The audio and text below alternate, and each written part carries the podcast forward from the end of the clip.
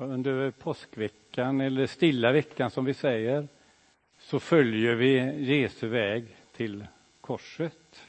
Vi minns hans smärta. Vi minns hans lidande, hur han blev plågad och hur han lät sig spikas på ett kors för att dö för vår skull. Och på söndag, på påskdagen, så firar vi hans underbara seger, uppståndelsen. På skärtorsdagen så minns vi kanske speciellt den sista måltiden med lärjungarna som Jesus hade. De visste inte att det var den sista måltiden, tror jag, men det blev ju så. Det som är förebilden för den kristna nattvarden som vi firar idag. Man kan undra varför kunde Jesus dömas? Hur var det möjligt att döma honom till döden? En som har funderat på det är den här mannen, Lee Strobel. Jag kan berätta att han som kommer att visas här nu, ganska känd pastor och författare, eh, mycket väl utbildad eh, jurist och eh, även journalist. Lee Strobel heter han. Han var under större delen av sitt liv var han bekännande ateist. Sen ville han ändå studera det här hur är det med Bibeln och Nya testamentet? Är den trovärdig? Och han studerade speciellt det som vi nu tänker på den sista tiden med Jesus då. Eh, och hur kunde man döma Jesus till döden? Och då studerar han detta som, som jurist och journalist. Så han ställde sådana frågor. Hur var det här möjligt? Och vem dömde egentligen Jesus? Och han kommer fram till, när han studerar det här som ett rättsfall, nej, det måste vara så att Jesus gav sitt liv frivilligt, av egen fri vilja, som också Bibeln säger. Och Lee Strobel har skrivit två eh, mycket intressanta böcker om det här. Ni ser dem där. Fallet Jesus, det ena. Och det andra är Fria eller fälla. Eh, väldigt spännande titlar eh, skrivna av en jurist. Då. Och han kommer fram till detta i böckerna, att Jesus gick frivilligt korsets väg. De här makthavarna, Pilatus och Herodes, skulle inte kunna dömt honom till döden. Uh, när vi läser så skickar de ju honom mellan sig bara, de vill inte befatta sig med i det här rättsfallet. Uh, inte heller de judiska ledarna, översteprästerna, trots att de gärna ville det, hade kunnat dömt honom. Kommer han fram till. Och folket som skrek korsfäst, korsfäst, nej, inte hade det kunnat gjort att han blev dömd. Han gick frivilligt i döden för dig och mig. Det är denna underbara sanning. Korsets väg var hans egen väg. När vi nu talar om eh, vägen till korset så kan vi också tala om en, en, som jag tycker, underbar korsväg. Vi kan ta nästa bild, det är denna. Jag hittar den inte med eh, att den finns i Sverige, så vi får hålla till godo med att det står på engelska. Men det är alltså grace, det är nåd. Och det är mercy, barmhärtighet. Den korsvägen, där vill jag finnas. Och den korsningen, den finns vid Jesu kors. För allt är av nåd. Frälsningen är av nåd. Det är grace, gratis i samma ord. Och där finns en underbar barmhärtighet, mercy. Där kan vi falla i Jesu barmhärtiga händer och bli helade. Och jag tänker så här, nu ska vi fira nattvard. Det är denna korsvägen. Vi finns i denna korsvägen nu. Och ni är välkomna att vara med och möta nåd och barmhärtighet.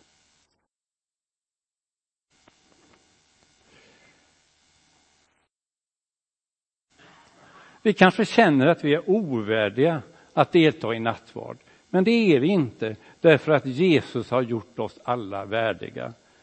Så därför säger vi att nattvardsbordet är nådens bord. Och där är vi alla välkomna att möta nåd och barmhärtighet. Vi kan ta nästa bild.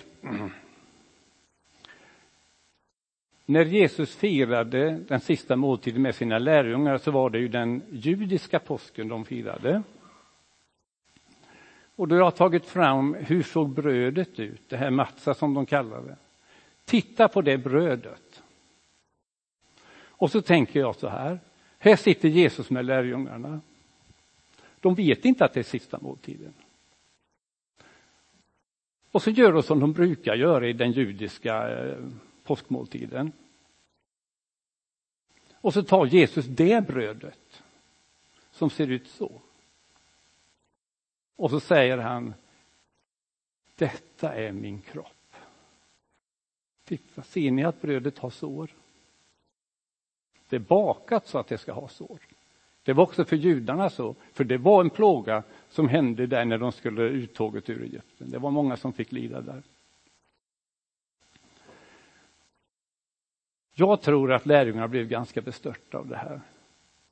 Jag tror inte de hade fattat vad som skulle hända med Jesus och hans kropp. Och så visar han det brödet. Och säger han, det här är min kropp. Oj, han kommer att bli skadad. Han kommer att få sår.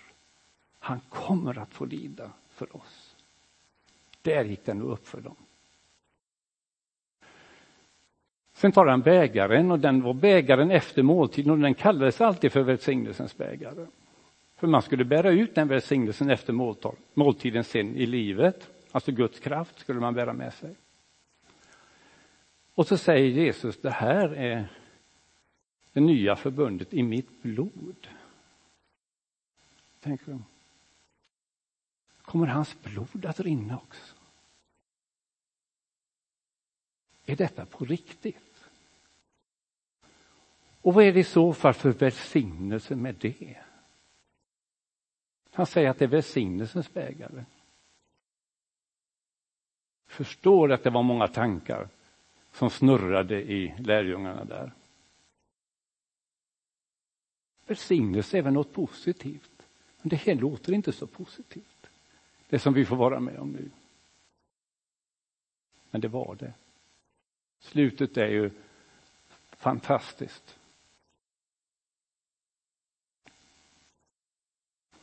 Innebörden i nattvarden är ju så rik. Vi minns vad Jesus har gjort för oss, men nattvarden är mer än så. Vi tar del av livets läkemedel.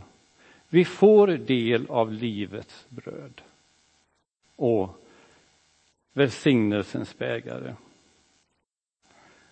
Livets bröd säger oss att Jesus ger den som tror på honom evigt liv som en gåva av nåd. Vi kan ta emot den gåvan här och nu. Det erbjudandet finns. I samband med nattvarden kan vi göra det. Idag är frälsningens dag. Frälsningens dag är alla dagar. Så kom och ta emot nåd och barmhärtighet. Kanske du gör det för första gången på det här sättet. Du är välkommen. Vi säger också att välsignelse är en kraft som får det lilla att växa och bli något mycket större. Och då känner jag, jag tror att de flesta känner, ja men då behöver vi ju välsignelse. För vi känner oss ju väldigt svaga och kraftlösa ibland. Och här finns välsignelsens bägare. På riktigt. Det kan bli så att vi får välsignelse, vi får ny kraft i vår tro och vi får styrka i vårt kristna liv. Det är tanken.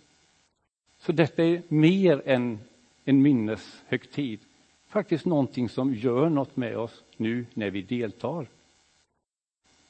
Låt oss be. Jesus, då vill jag tacka dig för att du gjorde detta helt frivilligt av egen vilja, så lät du dig utblottas. Du lät dig gå igenom denna vånda och smärta på vägen till korset och du gjorde det för vår skull, för min skull. Tack att vi får mötas här i den här korsningen mellan nåd och barmhärtighet. Låt det få bli så att vi alla här får erfara, möta en speciell nåd, en speciell barmhärtighet nu i denna stund, i denna gudstjänst. Tack för att vi får känna livets bröd. Tack för gåvan evigt liv som vi kan få. Genom vad du har gjort när du led och dog och uppstod för oss. Tack för välsignelsens kraft, en kraft som får det lilla att växa och bli något mycket större. Herre, det är du som gör det i våra liv. Amen.